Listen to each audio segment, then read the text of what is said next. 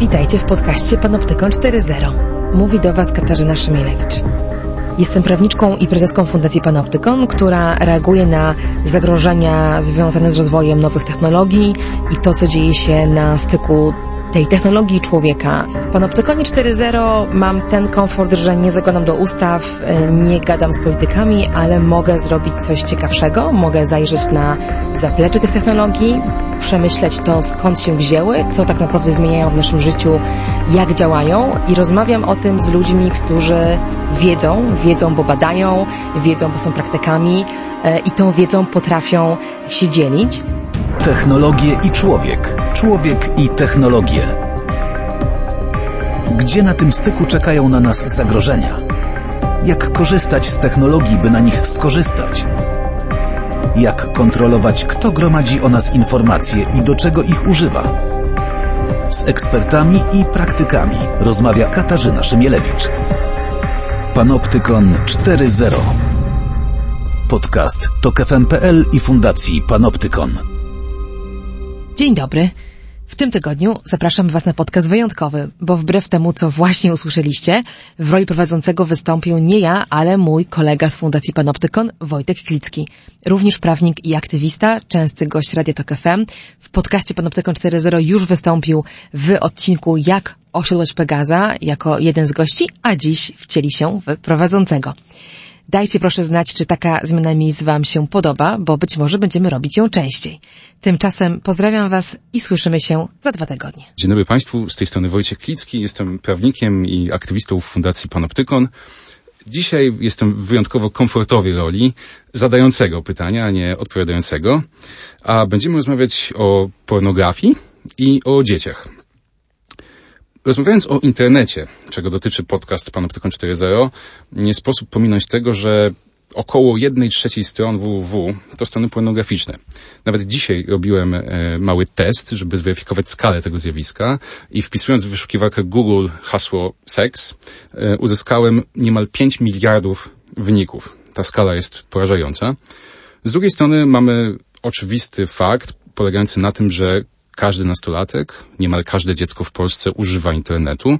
No i z tego z tych dwóch faktów musi wypłynąć kolejny, to znaczy to, że dzieci, nastolatkowie spotykają się e, w sieci z pornografią. No i postaramy się dzisiaj znaleźć odpowiedź na pytanie, czy ten kontakt jest problemem. Pewnie wszyscy podskórnie czujemy, że tak, ale na czym on polega?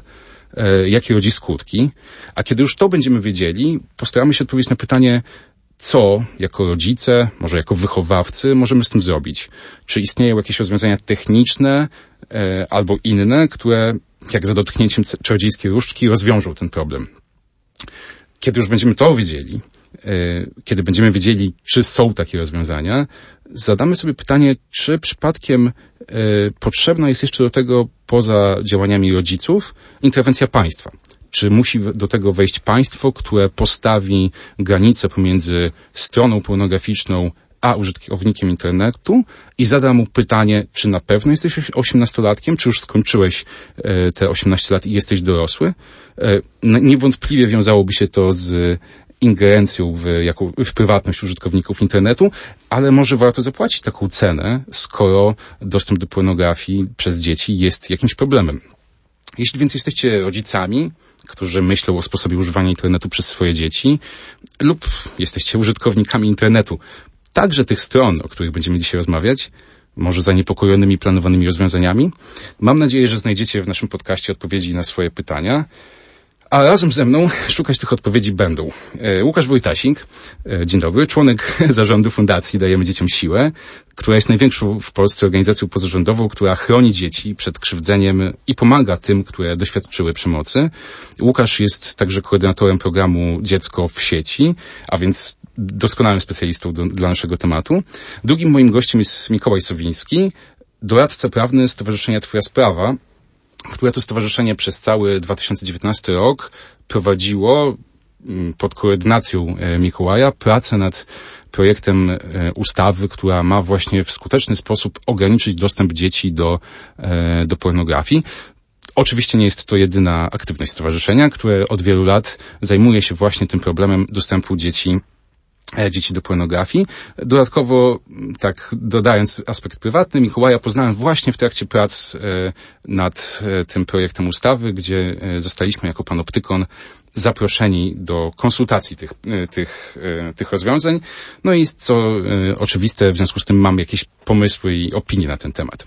No ale może zacznijmy, już oddam wam głos, no bo e, sam wspomniałem na samym początku, że dostęp do dzieci, dzieci do pornografii jest problemem.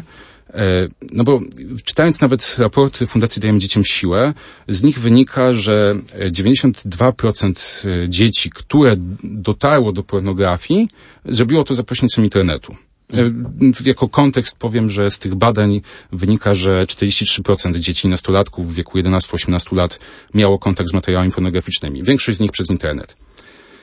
No ale z drugiej strony, e, takie pierwsze naturalne pytanie, które się rodzi, to jest to, czy internet jako medium, jako narzędzie zrobił w ogóle jakąś zmianę w tym obszarze.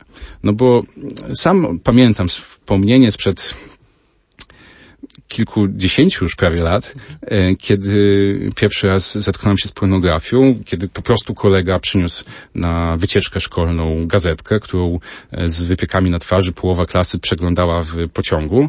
E, I też jako młody chłopak zetknąłem się wtedy z pornografią. Dzisiaj nastolatkowie spotkają się z nią w internecie. Czy jest jakaś różnica? Mhm. Tak, no często osoby w tych naszych rocznikach, osoby dorosłe w każdym razie e, wspominają ten kontakt, pierwszy kontakt z pornografią, wspominamy te e, magazyny, bo każdy z nas, czy większość z nas taki kontakt e, kiedyś miała. Natomiast musimy mieć świadomość tego, że to był zupełnie inny świat i to była zupełnie inna sytuacja.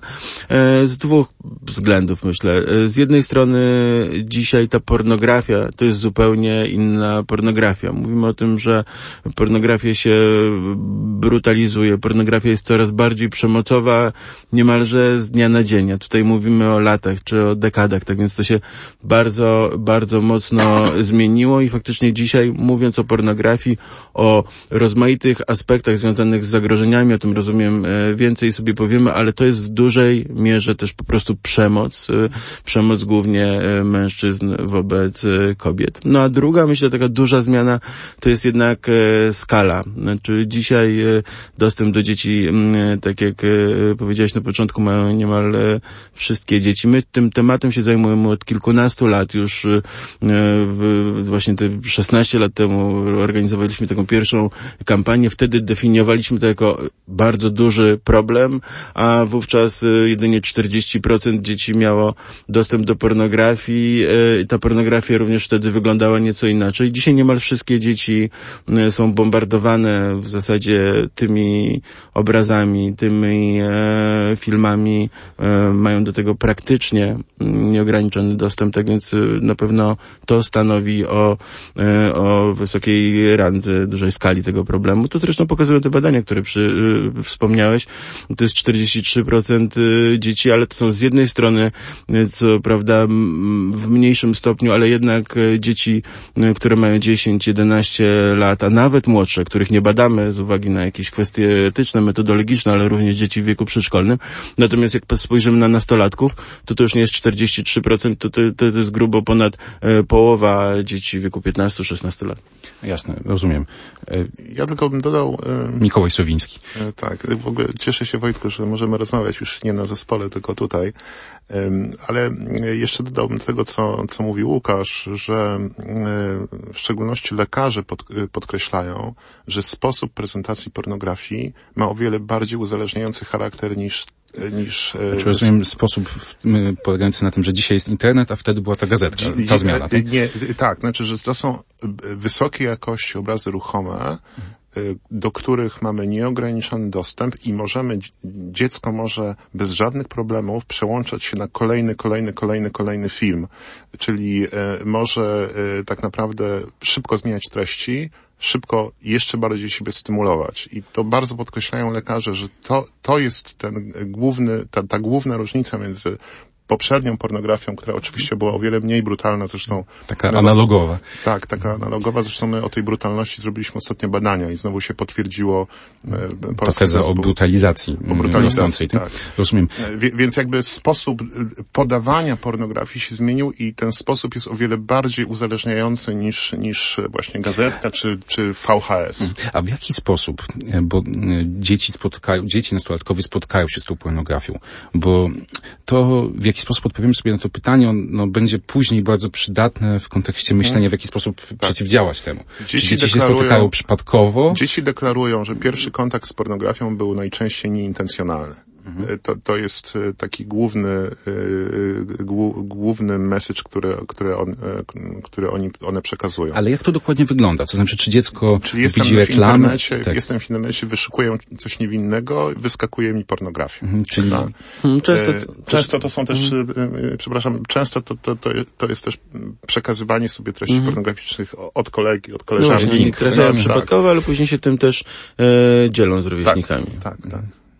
Rozumiem, czyli sytuacja wygląda w ten sposób, że albo dziecko dostaje to link od kolegi, który już to obejrzał i uznaje to mhm. za interesujące, albo w jakiś sposób w ramach własnych peregrinacji internetowych wpisuje w wyszukiwarkę nawet słowo seks po to, żeby się dowiedzieć, tak, co, co to jest tak. i to jest jakby naturalna i chyba y, korzystna y, cecha młodych ludzi, że poszukują, tak. no i natrafiają nie na artykuł w Wikipedii, czy na coś równie mm. rzetelnego, powiedzmy, tylko... Nie na coś pięknego, y, tylko na coś obrzydliwego najczęściej. Tak, znaczy pewnie jak będziemy mówić więcej o, o profilaktyce, to będzie na to czas, ale warto faktycznie już teraz zauważyć, że to jest jeden ze sposobów, jak trafiają młodzi ludzie na pornografię poszukują informacji nie e, pornograficznych, ale informacji o seksualności, e, poszukują informacji, które są, tak jak powiedziałeś, naturalne dla ich wieku, dla ich momentu rozwojowego, a trafiają, e, tak jak te twoje doświadczenia wspomniane z Googlem, tak, tak, tak to są doświadczenia też młodych ludzi, no, czy wpisanie haseł, które są związane z seksualnością, które są gdzieś, mogłyby być w koło edukacji seksualnej kojarzone w internecie, prowadzą do treści pornograficznych. Okay, czyli tak naprawdę byśmy tutaj w, tak jakby trochę pod e, mikroskopem oglądali zjawisko, które tak naprawdę, tak mi się wydaje, ma znacznie szerszy charakter. To znaczy zjawisko polegające na tym, że internet, wiele stron internetowych karmi się tą klikalnością, karmi się radykalizacją. E, radykalizacją, która przyciąga uwagę, bo e, im więcej czasu ktoś poświęci na oglądanie treści, tym więcej, e, tym więcej z tego płynie pieniędzy, ale to dotyczy nie tylko mm, pornografii, ale wszystkich filmików, które gdzieś klikając wypadek, nagle dostajemy mm. kolejne, kolejne coraz bardziej brutalne rzeczy po to, żeby przykuć naszą uwagę. Jeszcze powiedziałbym więcej. Po jednej stronie mamy dziecko, które otwiera internet, a po drugiej stronie mamy przemysł pornograficzny. Y, przemysł, który, któremu zależy na tym, żeby jego treści, jego materiały były jak, naj, były jak najszerzej dostępne. No dobrze, to mamy jakby stan rzeczywisty, jakoś diagnozę y, uzgodnioną. No ale dlaczego o tym rozmawiamy? To znaczy, dlaczego w tym jest kłopot? W czym, y, jakie są największe mm, problemy związane z dostępem dziecka do pornografii? Mhm tak jak my to widzimy i obserwujemy, to z jednej strony są te najmłodsze dzieci, e, które trafiają na pornografię, trafiają na pornografię coraz częściej. To są e, dzieci, które korzystają poza kontrolą rodziców e, z internetu. E, prowadziliśmy takie badania trzy lata temu. On pokazał, że 42% dzieci do drugiego roku życia już korzysta z tabletów, smartfonów. To jest ponad 80% dzieci w wieku przedszkolnym. Jedynie jedna czwarta rodziców e, stosuje oprogramowanie filtrujące tak Natomiast te dzieci trafiają na różne treści, również na pornografię. Przepraszam, y, żebym dobrze to zrozumiał. Spośród tych 80% przeszkolaków Jedna e, czwarta ma, ma filtrowany internet. Tak, a ta, która nie ma filtrowanego, czyli ma tam nieograniczony on, dostęp do treści I oni trafiają na, na pornografię, tacy pięcio, pięcio sześciolatkowie? Tak, oczywiście, no, i, i, sam mówisz, jedna trzecia mhm. stron, znaczy oczywiście to może nie jest też proporcjonalne prawdopodobieństwo trafienia na takie treści, ale trafiają na takie treści, trafiają na różne treści, na które nie powinny trafiać, również na pornografię. Nie mamy badań, które by pokazywały skalę tego zjawiska, bo e, tak jak mówiłem metodologicznie, to no, z takimi dziećmi nie można rozmawiać na takie tematy w badaniach, ale spotykamy się z takimi dziećmi w poradni, y, którą prowadzimy, czytamy o takich przypadkach, są też takie badania, które pokazują i właśnie to o tym chciałem powiedzieć, że największe zagrożenie w tym przypadku jest takie, że dla dzieci to jest po prostu obraz przemocowy, to jest, y, to jest sytuacja, której nie rozumieją. Mało tego, często się niepokoją tym, bo przekładają tę sytuację jakoś na sytuację domową. Widzą mężczyznę, kobietę w jakichś sytuacjach i na przykład potrafią się bać o bezpieczeństwo swojej matki, bo obserwują, że jakaś bliskość czy jakieś sytuacje też o charakterze seksualnym występują między rodzicami i pojawia się strach, jest niezrozumienie. Tak więc to są e, sytuacje mocno obciążające te najmłodsze dzieci.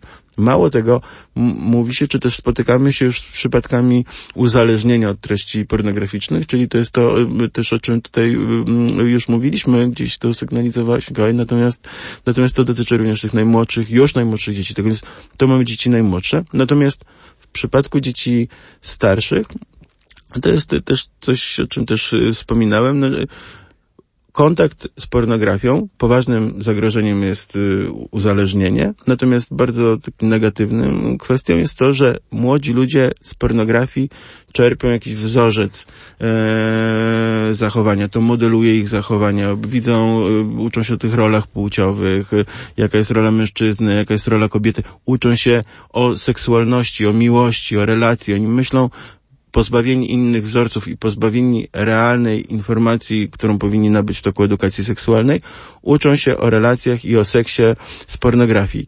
No i to jest olbrzymi problem, bo to jest tak naprawdę wchodzą okaleczeni w dorosłe życie i to może naprawdę promieniować i naprawdę wpływać na ich po prostu życie, życie dorosłe. Życie mhm. dorosłe, życie seksualne.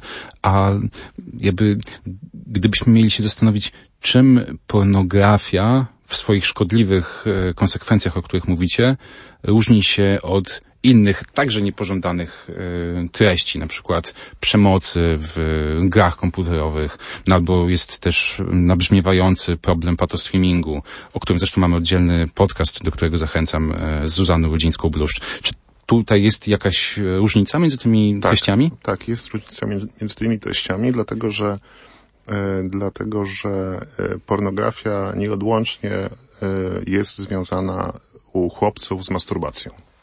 Co powoduje, że gratyfikacja dla mózgu jest o wiele większa.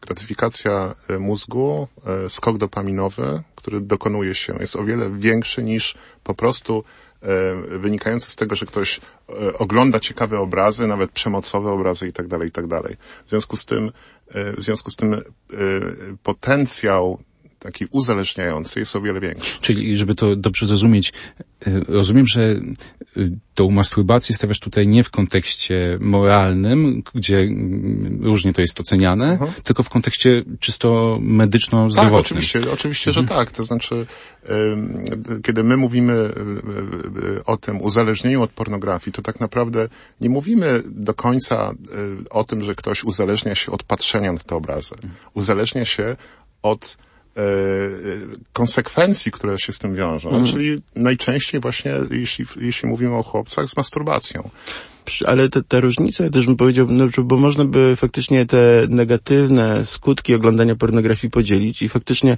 to, o czym mówisz, to jest ten problem uzależnienia. Natomiast drugim problemem, który też odróżnia obrazy pornograficzne od chociażby przemocy w grach, jest to, że młodzi ludzie oglądając pornografię faktycznie to jest dla nich punktem odniesienia. Oni nie widzą, że to jest przemysł, że to jest fikcja, że to jest nieprawda. W grach o tym wiedzą. Znaczy jest dużo badań, które raczej pokazują, że przemoc w grach nie powoduje przemocy y, poza grami. Oczywiście te badania się gdzieś różnią, to są też indywidualne przypadki, ale ogólnie możemy powiedzieć, że różnica zasadnicza polega na tym, że tutaj tego poczucia nie ma. Znaczy oni myślą, że tak wygląda seks, że kobieta zawsze jest gotowa na seks, że to, że mężczyzna zawsze jest gotowy na seks, że ten stosunek seksualny trwa tyle i tyle, że jakiś standard, jeżeli chodzi o wygląd, to jest to, co widzą w pornografii, a jak już y, y, coś y, wygląda, czy wydarza się inaczej, to jest gdzieś już poza tą poza normą. Standardem. Oni myślą, że to jest norma. Ja rozumiem i tutaj na pewno jeszcze do, należałoby dorzucić e, no, to, w jaki sposób kobiety są e, traktowane i, i że one często są ofiarami tego Tak, oczywiście tego są przemysłu. ofiarami, ale też, y, też y, widzimy, że, że, że nie potrafią postawić granicy, że dają przyzwolenie na tą przemoc, bo myślą, że tak wygląda świat, bo tak wyglada świat w obrazach Oczywiście. pornograficznych. Chciałem jeszcze dopytać, bo to będę do tego wracał, bo to mnie bardzo interesuje. Wyobrażam sobie mm, dziesięcioletnią Małgosię, czy tam, czy Jasia, który dostaje, tak jak rozmawialiśmy przed chwilą, link od kolegi z tą treścią pornograficzną, z którą spotyka się po raz pierwszy. E, I czy taki jednorazowy kontakt w waszym, e, waszym zdaniem on już jest problemem? E, Czy, czy dopiero w sytuacji, w której to jest, nie wiem, oglądanie co tydzień, codziennie, e, wtedy dopiero narastają te problemy? Nie, nie sądzę, żeby on był jakimś e, zasadniczym problemem, natomiast e, u osób, które są e, bardziej podatne na uzależnienia, to jest po prostu początek drogi. E, Jest bardzo ciekawe, jak się czyta wpisy internautów, którzy deklarują, że mają problem z pornografią, to bardzo ciekawe jest to, że w tych wypowiedziach zawsze pojawia się ta sama rzecz. Oni cały czas pamiętają ten pierwszy kontakt. Y, jeżeli są podatni na uzależnienie, to to jest taki trigger, który powoduje, że wchodzą, że mogą wejść na tą ścieżkę. Ale oczywiście to nie jest tak, że każdy, kto obejrzy pornografię, czy raz, czy nawet wiele razy uzależni się y, i, i to będzie dla niego y, z punktu widzenia y, medycznego szkodliwe. Y, Natomiast każdy ryzykuje, że jeżeli jest podatny na uzależnienia, że to może być początek drogi. To się tak trochę podzieliliśmy, chociaż się nie różnimy, ale faktycznie ty mówisz głównie o tym, o tym kawałku uzależnienia i to faktycznie tak działa.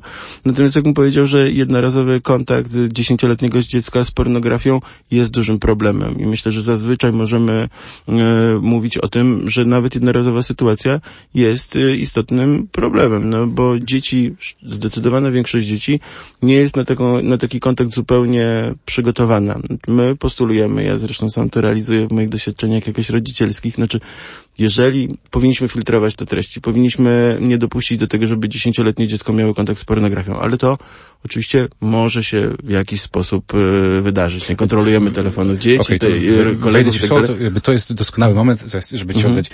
Ja czuję się teraz przestraszony. Czuję się przestraszony przez was, że moje dziecko jeszcze nie ma 10 lat, ma dwa, będzie niedługo szło do przedszkola.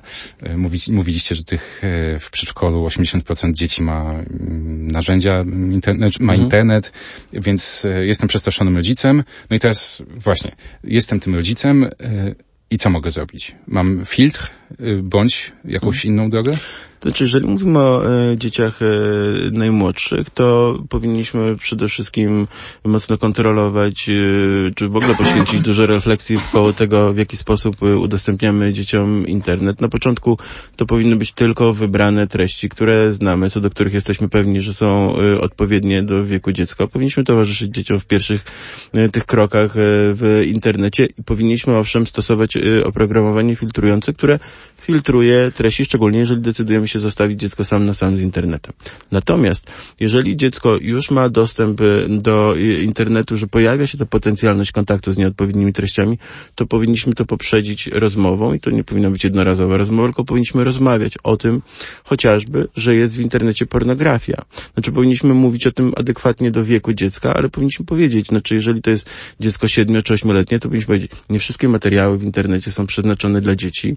Y, Niektóre są y, takie, które dzieciom szkodzą, nie powinieneś z nimi mieć kontaktu. Y, To są na przykład tre, treści, czy filmy, czy zdjęcia, których zobaczysz nagie osoby, które coś robią. Może cię to zaniepokoić.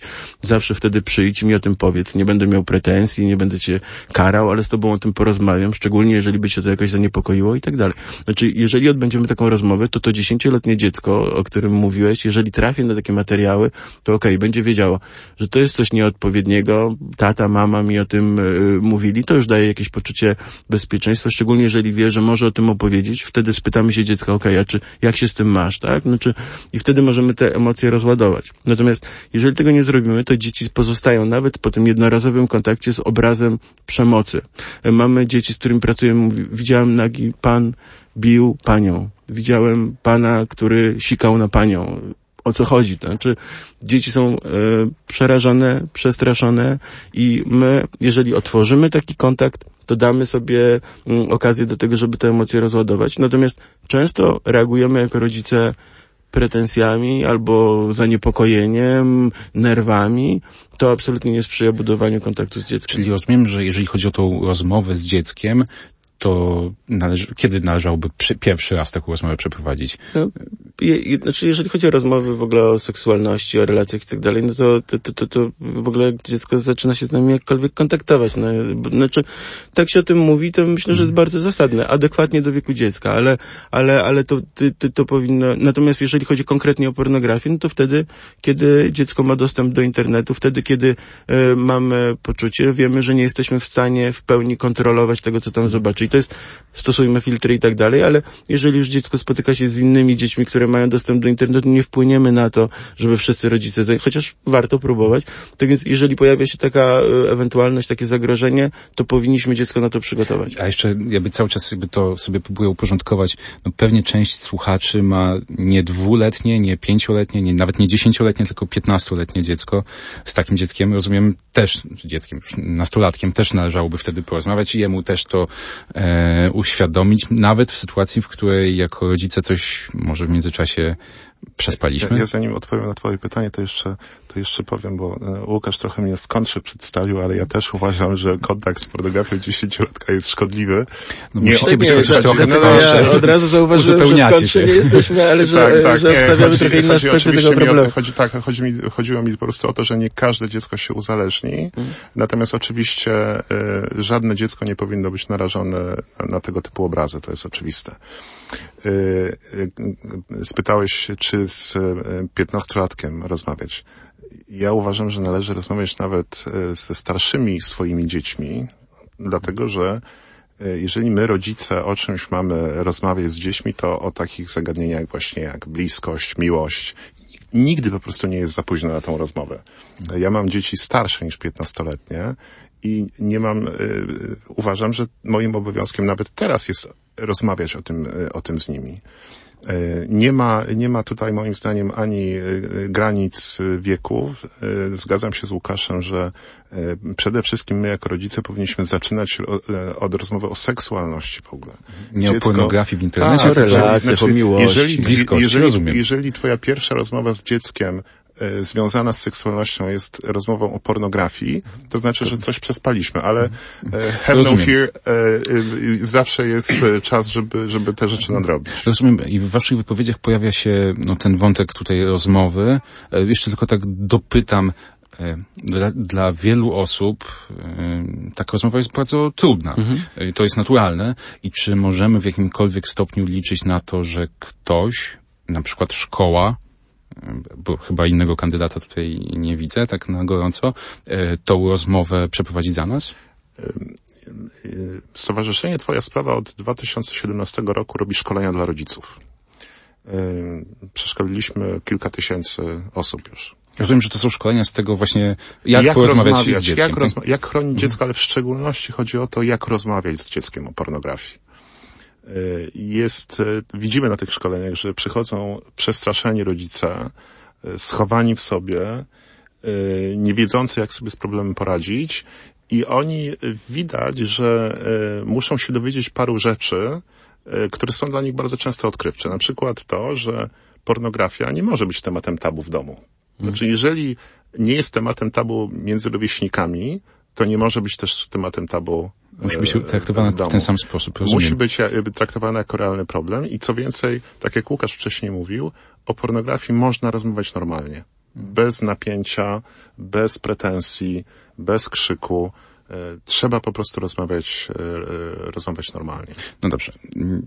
Mam nadzieję, że jak najwięcej rodziców w ten czy inny sposób posiądzie umiejętność rozmawiania z, ze swoimi dziećmi na ten temat. No ale jeśli tego nie zrobią, czy szkoła w jakiś sposób to tutaj ich zastąpi? Myślę, że to powinno być, e, znaczy to jest na pewno bardzo ważną rolą rodziców i oczywiście zaraz powiedzmy sobie o szkole, ale też e, nie powinniśmy przerzucać tej odpowiedzialności, czy w każdym razie polegać w pełni na szkole. Jeżeli jako rodzice e, mamy problem z tym tematem, jeżeli już mamy tę świadomość, że to jest ważne, ale nie wiemy jak to zrobić, no to faktycznie jeżeli możemy uczestniczyć w takim szkoleniu, to bardzo dobrze. Jeżeli nie, to sięgnijmy po literaturę, wykorzystajmy też ten internet, który poza pornografią jednak jest nośnikiem dwie wielu... Jeszcze, tak, jedna tak, trzecia to pornografia, dwie treści, trzecie... Tak. tak, również bardzo korzystnych o tym, jeżeli wpiszemy chociażby hasło, jak rozmawiać z dziećmi o, o, o seksie, o seksualności, jeżeli jeszcze jakkolwiek e, władamy językiem angielskim, jeżeli wyselekcjonujemy sobie jakoś te źródła i wybierzemy jakieś wiarygodne, to naprawdę dużo się możemy dowiedzieć, douczyć, przekroczyć też tę granicę wstydu czy zakłopotania, bo faktycznie my nie jesteśmy też często przygotowani, bo często z nami nikt nie rozmawiał, to nie jest jakąś tradycją, powiedzmy sobie. Natomiast jeżeli dotrze do nas, do rodziców, że od tego zależy przyszłość naszych dzieci, że od tego zależy bezpieczeństwo, dobro naszych dzieci, no to postarajmy się. Większa motyw- wtedy rośnie, rozumiem, motywacja. Powiedziałeś, że nie można tej odpowiedzialności przerzucać na szkołę. Ja to rozumiem, bo Ale to, rola szkoły oczywiście bo to głównie przecież ważna. na rodzicach spoczywa obowiązek e, wychowywania. Jednak gdyby hmm. szkoła miała tam wejść, czy w jakiś sposób uczyć, to e, też e, my jako panoptykon nawet przygotowaliśmy wspólnie ze stowarzyszeniem Ponton taki scenariusz hmm. lekcji dla nauczycieli, dla których też to może być trudne. W jaki sposób e, rozmawiać, rozmawiać z dziećmi o pornografii, z którą się mogą zetknąć w internecie. One są do znalezienia na portalu Cyfrowa Wyprawka. No ale tu jest szkoła, rodzice. Rodzice mogący mieć problemy z rozmową, ale czy rodzice mogą, bo to wspomnieliście o tym, ale wydaje mi się, że tu jeszcze warto pod, podnieść ten temat, czy są jakieś technologiczne rozwiązania, które rodzice mogą zastosować, żeby nie tyle albo żeby wesprzeć tę rozmowę jako równoległe działanie, albo żeby ją zastąpić? Nie, zastąpić rozmowy się nie da. Znaczy, Dobrze, zastąpić to, tak, edukacji okay. i rozmowy się nie Czyli da. to już to jest w takim razie do tego nie wracamy. Tak, edukacja jest to, to, fundamentem, na którym jest budujemy. Na pewno edukacja Co i rozmowa z dzieckiem. Jeszcze. E, Wtedy, technologia. Natomiast technologia oczywiście, znaczy um, um, mówienie o szkodliwości, nie, nie stosowanie żadnych narzędzi technologicznych, żeby chronić dzieci, w szczególności te najmłodsze, jest po prostu naiwnością, jest jakimś takim zupełnie dziwnym dla mnie podejściem. Narzędzia dostępne na rynku są, niestety są wykorzystywane przez rodziców w bardzo małym stopniu i niestety, i to nam bardzo mocno raportują rodzice, oni sobie z tymi narzędziami najczęściej nie radzą. W sensie nie potrafią zainstalować? Nie, nie potrafią zainstalować. To jest dla nich cały czas bariera, stosowania tego typu narzędzi. One oczywiście są coraz lepsze, coraz prostsze, ale cały czas ten problem po pierwsze z łatwością, łatwością stosowania tych narzędzi, jak i po drugie ich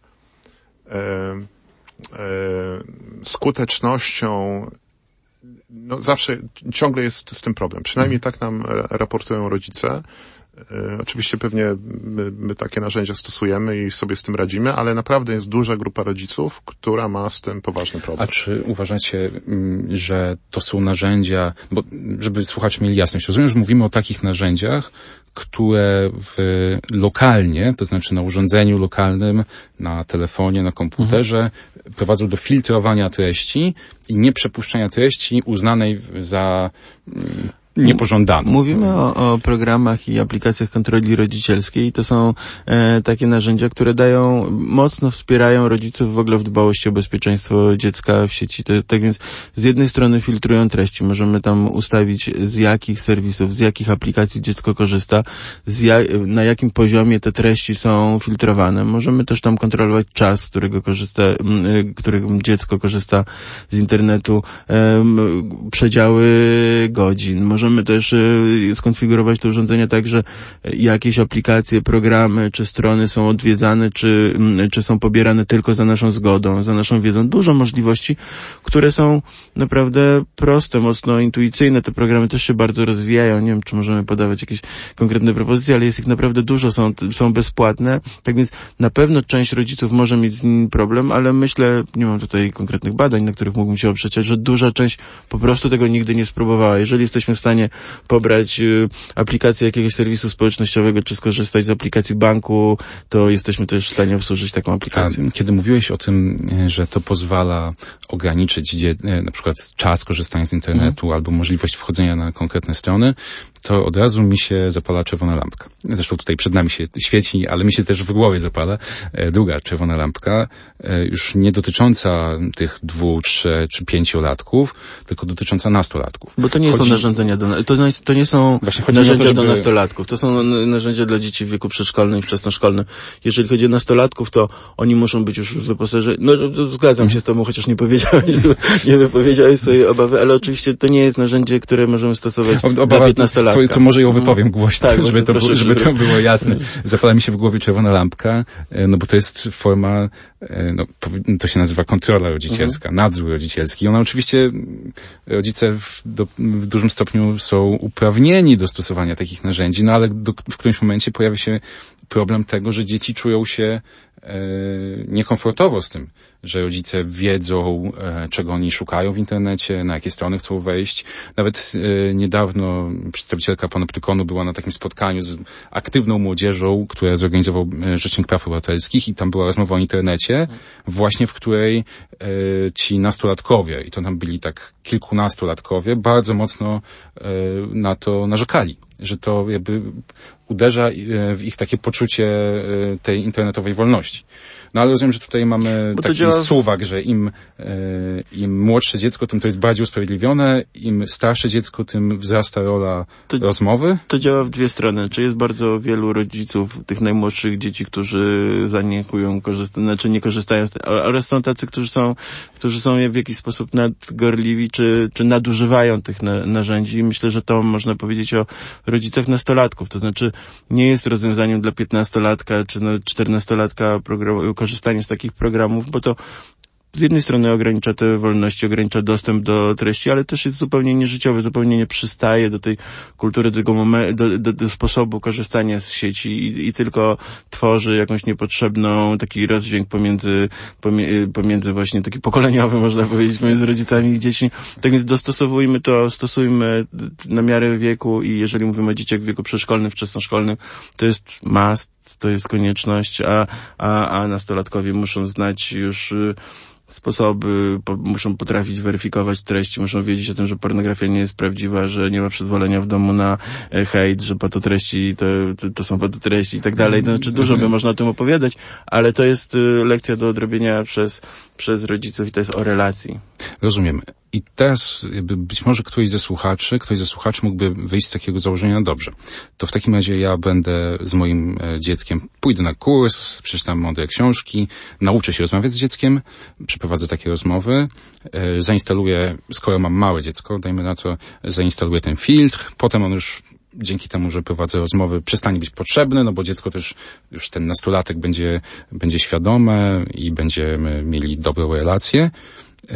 I czy wtedy byłby problem e, rozwiązany?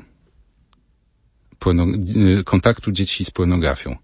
E, Jeśli zmierzam do tego, czy, czy coś jest, jest jeszcze do tego, do tej układanki potrzebne, żeby ten problem rozwiązać? Przechodzisz płynnie do ustawy, rozumiem. Oczywiście, oczywiście. To jest tak naprawdę pytanie o to, czy gdybyśmy postawili na edukację, przy czym chodzi mi o edukację rodziców, żeby, żeby te rozmowy potrafili przeprowadzać, gdybyśmy e, rozwijali, może nawet publiczne, e, z pieniędzy publicznych e, narzędzia tej kontroli rodzicielskiej, w, stosowane w odpowiedni sposób, tak żeby były łatwe, czytelne, to dlaczego musimy mieć jeszcze coś więcej? Musimy mieć, moim zdaniem, coś więcej z kilku powodów. E, Po pierwsze, mamy do czynienia z przemysłem, który rozpowszechnia bez jakiejkolwiek odpowiedzialności materiały niebezpieczne dla dzieci. Materiały uzależniające. E, Nie chcę już porównywać do alkoholu czy papierosów, ale tak, no to tak jak alkohol i papierosy, y, przemysł pornograficzny rozpowszechnia produkt niebezpieczny dla dzieci.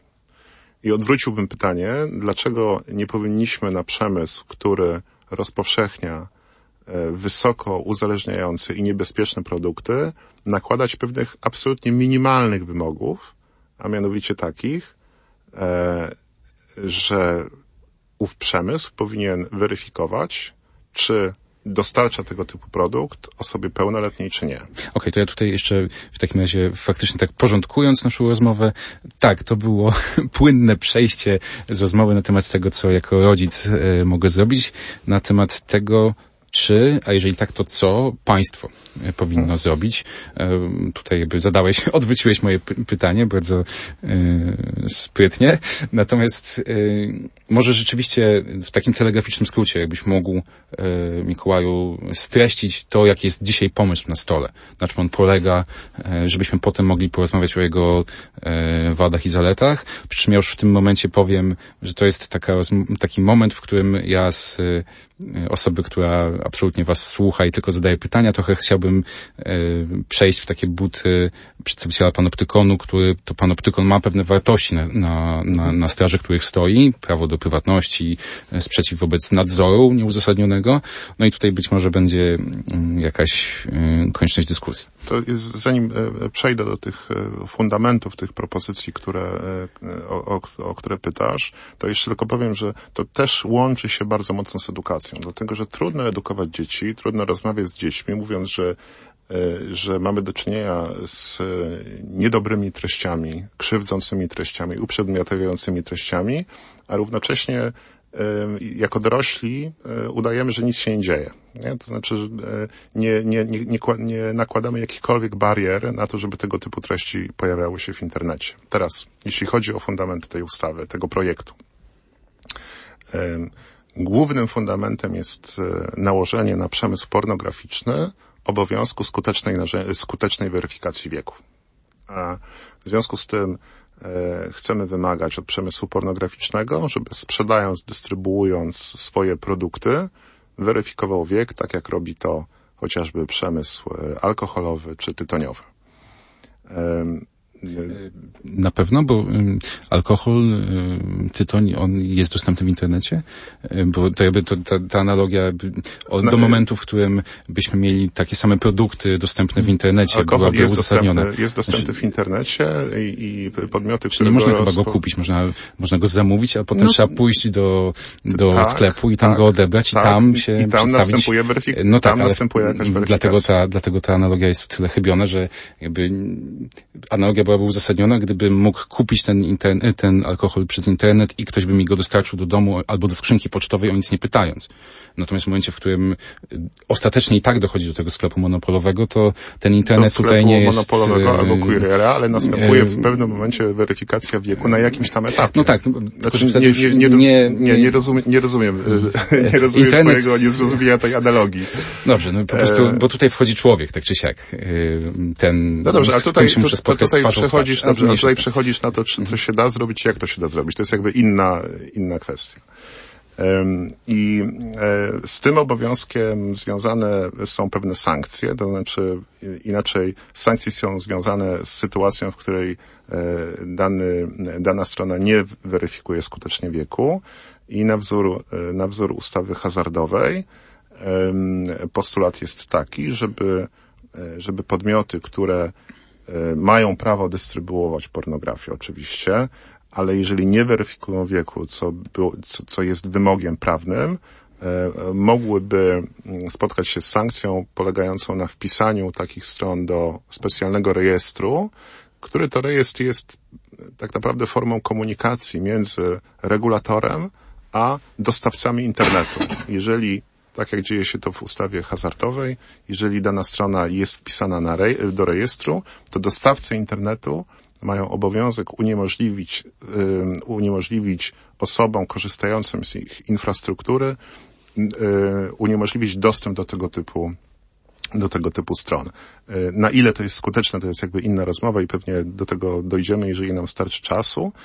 Natomiast, natomiast takie są jakby dwa, dwa główne filary tej ustawy i podstawowe założenia nie zabraniamy dystrybucji pornografii, nie delegalizujemy pornografii, mówimy tylko tyle. Jeżeli chcesz rozpowszechniać pornografię, to upewnij się, że wypełniłeś pewne minimalne wymogi e, aby sprawdzać, czy masz do czynienia z osobą pełnoletnią, czy nie. I teraz jakby, tak jak sam zauważyłeś, e, no, kluczową propozycją jest nałożenie na dostawców treści pornograficznych obowiązku skutecznej e, tak. weryfikacji wieku.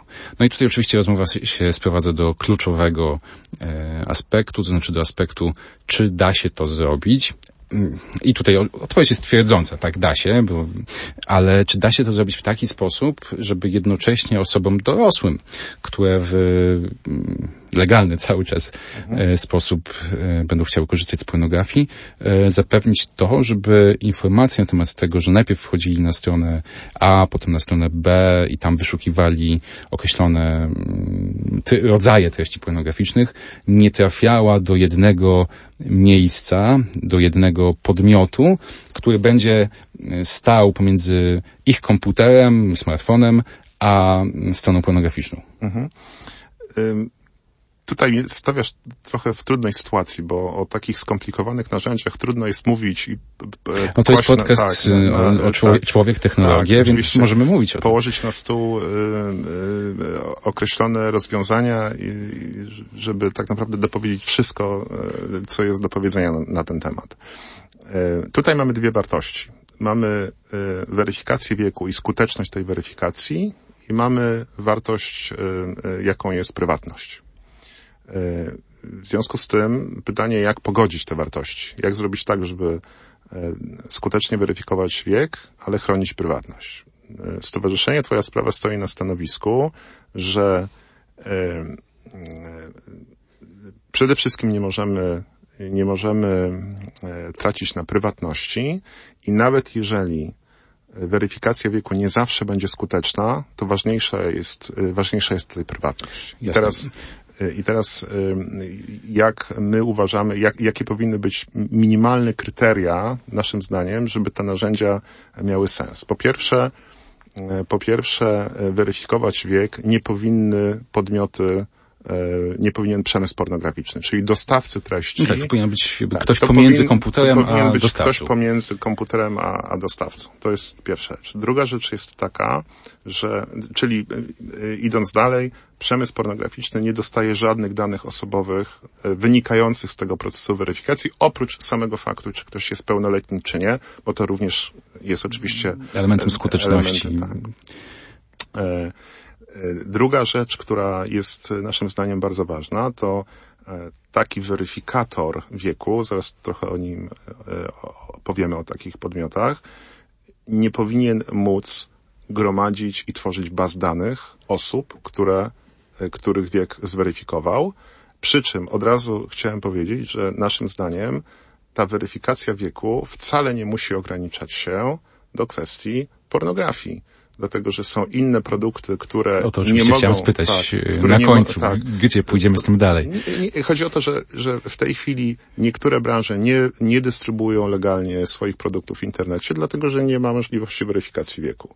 Być może być może taki, taka weryfikacja wieku byłaby przydatna na inne potrzeby, nie tylko na potrzeby weryfikacji wieku osób, które chcą oglądać. Okej, okay, ale to rozumiem, że tutaj jest jakby jakiś potencjał tak. gospodarczy tym, dla innych W związku z tym nie może być biznesów. tak, nie może być tak, że taki weryfikator wieku gromadzi takie, y, y, takie dane, tworzy jakieś bazy danych, czyli innymi słowy automatycznie po weryfikacji wieku powinien być nałożony na taki podmiot obowiązek prawny, technologiczny, E, poddany kontroli na przykład PłoDo, e, żeby prezesa Urzędu Ochrony Danych Osobowych, Urzędu Ochrony Dla... Danych Osobowych. W momencie weryfikacji znika już cel przetwarzania danych osobowych i te dane powinny być usuwane. No, tak, ja tutaj muszę się e, podeprzeć na autorytecie mm, albo na, po prostu na wiedzy osób, które się e, bardziej technologią zajmują, mianowicie portalu Niebezpiecznik, który twierdzi, że e, nie da się tego zweryfikować w taki sposób, żeby ta instytucja, ten podmiot pośredniczący tej informacji tak czy siak nie zbierał. No bo z jednej strony oczywiście możemy nałożyć obowiązki prawne, natomiast e, wiadomo jednocześnie, że pewne dane się i tak w systemach informatycznych zapisują. Po, po, pierwsze. Po drugie, wiadomo, że jak to mawiały informatycy, każda baza danych jest albo już wyciekła, albo, albo dopiero wycieknie. Więc tutaj tworzymy coś, co jest potencjalnie niebezpieczne. I rozumiem, że problem polega na tym, że, jakby cała dyskusja ogniskuje się wokół tego, że zdaniem Stowarzyszenia Twoja Sprawa powinno to zostać uregulowane czy rozwiązane przez biznes. To znaczy, że przez to nie, tworzenie projektu nie jest tym momentem, w którym stawia się na stole technologiczne konkretne rozwiązanie, które ma ten cel zrealizować. Ewentualnie się określa jakieś wymogi względem technologicznych rozwiązań, natomiast z czasem one powstaną komercyjnie. Tylko zasadnicze pytanie jest takie, czy to się da czy to przypadkiem nie jest tak, że ten projekt otwiera pewną puszkę Pandory, otwiera mówiąc, no wystarczy wymyślić jakieś rozwiązanie technologiczne i, i, i wtedy to zrobimy, a tymczasem nagle wyskakują z tego jakieś potwory albo bardzo niebezpieczne rozwiązania. Nie dalej niż kilka dni temu słyszałem wypowiedź pana ministra Zagórskiego, który twierdził, że takim podmiotem weryfikującym treść może być przeglądarka internetowa przeglądarka internetowa, która i tak ma już dość bogaty profil każdego z użytkowników i jeszcze do tego pomysł jest taki, żeby dorzucić tam informację na temat tego, że użytkownik tej przeglądarki zagląda na strony internetowe o charakterze pornograficznym. Nie boicie się tego? Wrócę najpierw do twojego pierwszego pytania w, tej, w twojej wypowiedzi. Rzeczywiście i tutaj, i tutaj my trochę może nie zmieniliśmy zdanie, ale uważamy, że trzeba zaadresować te obawy, które się pojawiły. Co oznacza, że naszym zdaniem niezbędne jest to, żeby zanim projekt trafi do procesu legislacyjnego, rozporządzenie wykonawcze, które ma takie minimalne wymogi określić, ono powinno być na stole w momencie rozpoczynania procesu legislacyjnego. Ministerstwo Rodziny, Pracy i Polityki Społecznej powołało zespół ekspertów. Chyba dzisiaj zostanie ogłoszony skład tego zespołu. Osób zajmujących się nowymi technologiami, zajmujących się prywatnością i te osoby mają poddać te rozwiązania analizie, mają zaproponować pewne rozwiązania i mamy nadzieję, że prace tych osób, tego zespołu zakończą się zanim, zanim projekt trafi do dalszego procedowania legislacyjnego. Tak. Jeśli chcesz skończyć myśl, to proszę, bo ja mam jeszcze pytanie, chciałem do Łukasza, Łukaszowi zadać, bo... Tak. bardziej mi, bardziej faktycznie Więc w tej części, ale mam, ale mam bardzo konkretne mhm. pytanie, które chciałbym Ci zadać. I teraz jakie to, jakie, to mają być, jakie to mają być podmioty? To moim zdaniem jest debata, która musi się odbyć. Moim zdaniem, bo pojawiają się takie pomysły, żeby takim podmiotem y, było państwo, y, wydaje mi się, że co najmniej, co najmniej człowiek powinien mieć wybór. Gdzie chce zweryfikować swój wiek. Co najmniej. Rozumiem. E, To Łukasz, to będziesz mógł skomentować to w dowolny dla siebie Mhm. sposób, ale ja jeszcze mam do ciebie jedno pytanie absolutnie dotyczące właśnie tego wątku, bo pojawia się jeszcze taka obawa, że tutaj mamy e, mm, dobre intencje, natomiast czy e, przyjęcie nawet takiego rozwiązania, czy ono będzie skuteczne, czy nie, to na chwilę zostawmy, e, czy ono wpłynie, jak ono wpłynie na te działania rodziców, o których rozmawialiśmy wcześniej. To znaczy, czy przypadkiem nie będzie tak, że jeżeli takie rozwiązania zostaną przyjęte, to rodzice się poczują zwolnieni, bo państwo już to załatwiło, a może wręcz przeciwnie, może to całe to zamieszanie, które wywołał projekt jest szansą y, na to, żeby rodzicom zwracać uwagę generalnie na ten problem. Jak sądzisz?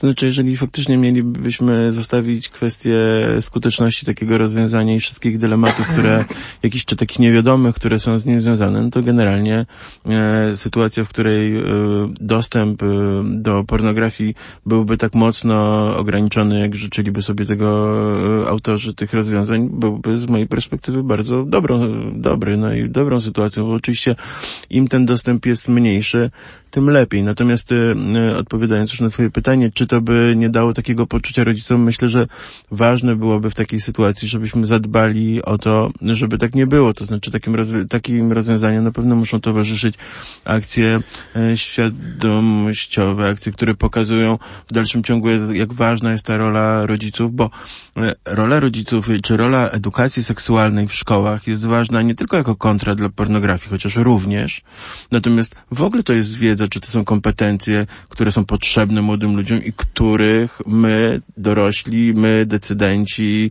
y, rząd, Ministerstwo Edukacji pozbawia. Tak więc, y, tak więc musimy dać tę wiedzę rzetelną, y, również nie wierzę, żeby powstało rozwiązanie, nawet jeżeli byśmy się zmierzyli pozytywnie z tymi wszystkimi dylematami, o których rozmawiacie, rozwiązanie, które w pełni pozbawi dostępu do pornografii. To jest ten sam program, przez analogię możemy mówić o narkotykach, nie? Znaczy, czy nie powinno się rozmawiać o narkotykach, czy, czy profilaktyka, narko... znaczy robi się dużo więcej niż wobec pornografii, żeby narkotyki nie były dostępne, nie, nie, nie, nie, nie kupimy ich w kiosku. No ale dostępne są, tak samo będzie, będzie z pornografią w najlepszym nawet wypadku. Tak, oczywiście ten wątek, no bo tutaj mówisz o skuteczności.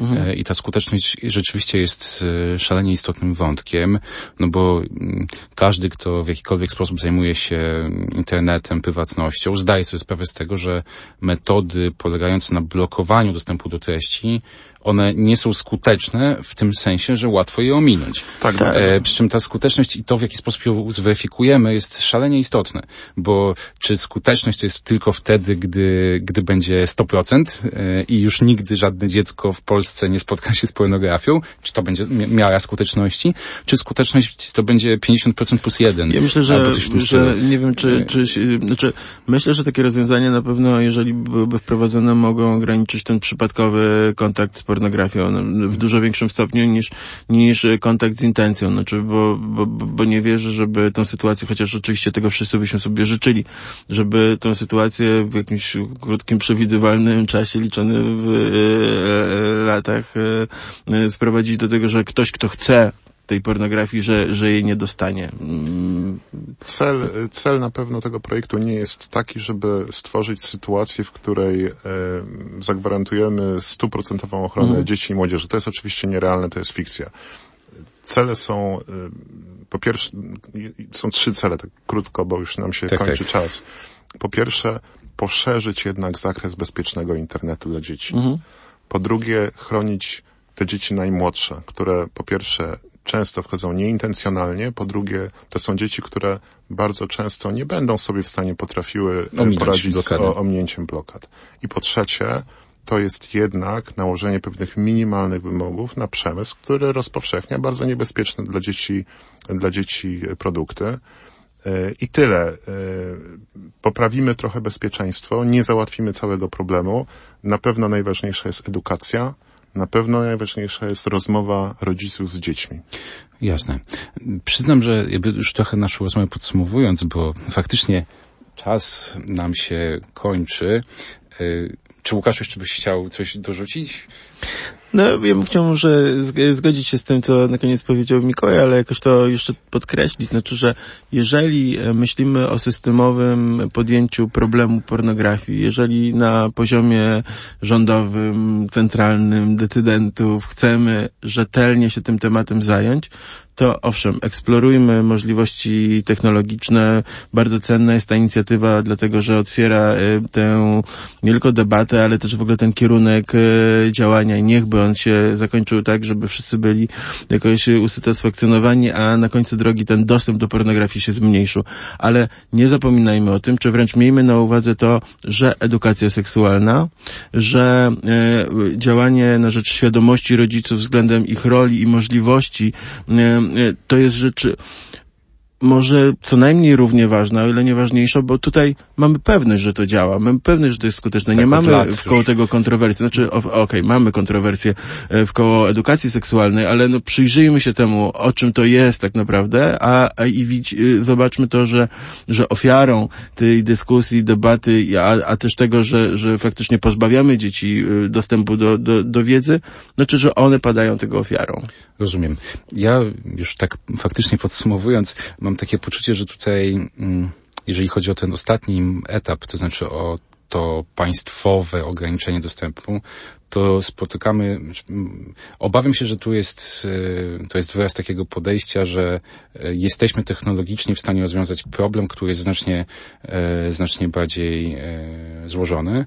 W tym sensie, że no, jakoś tak się dziwnie składa, że nikt tego rozwiązania polegającego na skutecznej weryfikacji wieku nie dotychczas nie wprowadził i nie stało się to przez przypadek. Dotychczas go nie ma.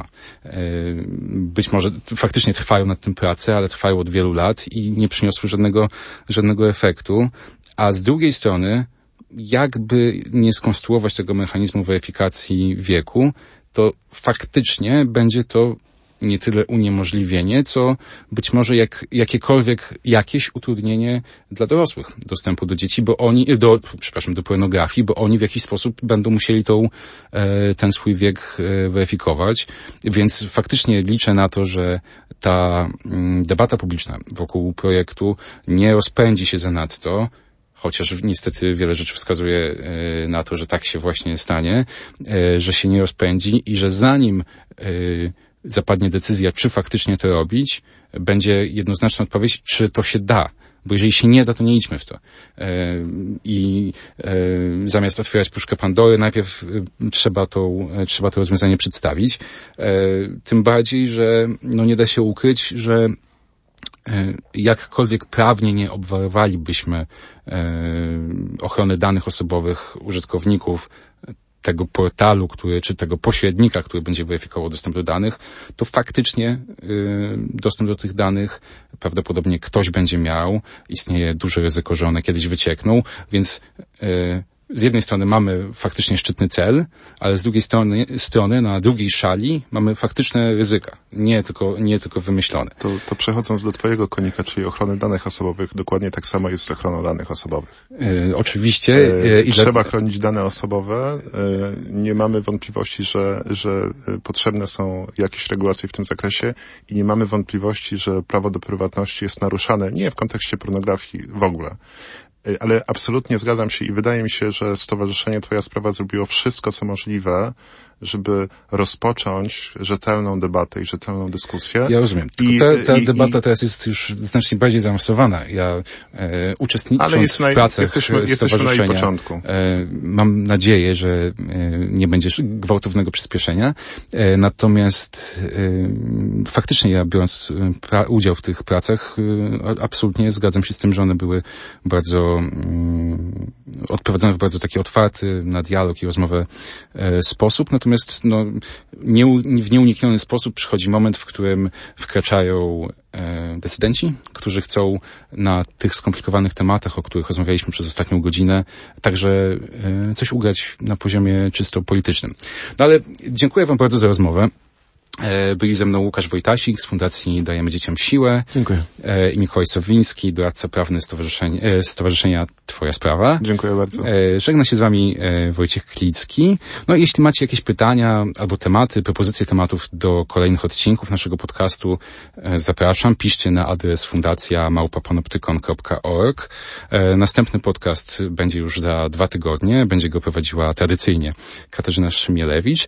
Ale teraz zostańcie jeszcze chwilę z nami, bo Katarzyna ma Wam coś ważnego do przekazania. Fundacja Panoptykon w coraz większym stopniu jest wspierana środkami od ludzi, którzy czują naszą misję, od takich osób jak wy. Chodzi także o 1%, który można nam przekazywać w ramach rozliczenia swojego podatku. Zachęcam do tego, żebyście zapoznali się z tym, co robimy, co nam się udało przez ostatnie 10 lat. E, Zapraszam na stronę panoptykon.org ukośnik wolność się liczy. Technologie i człowiek. Człowiek i technologie. Gdzie na tym styku czekają na nas zagrożenia? Jak korzystać z technologii, by na nich skorzystać? Jak kontrolować, kto gromadzi o nas informacje i do czego ich używa? Z ekspertami i praktykami rozmawia Katarzyna Szymielewicz. Panoptykon 4.0 Podcast to KFM.pl i Fundacji Panoptykon.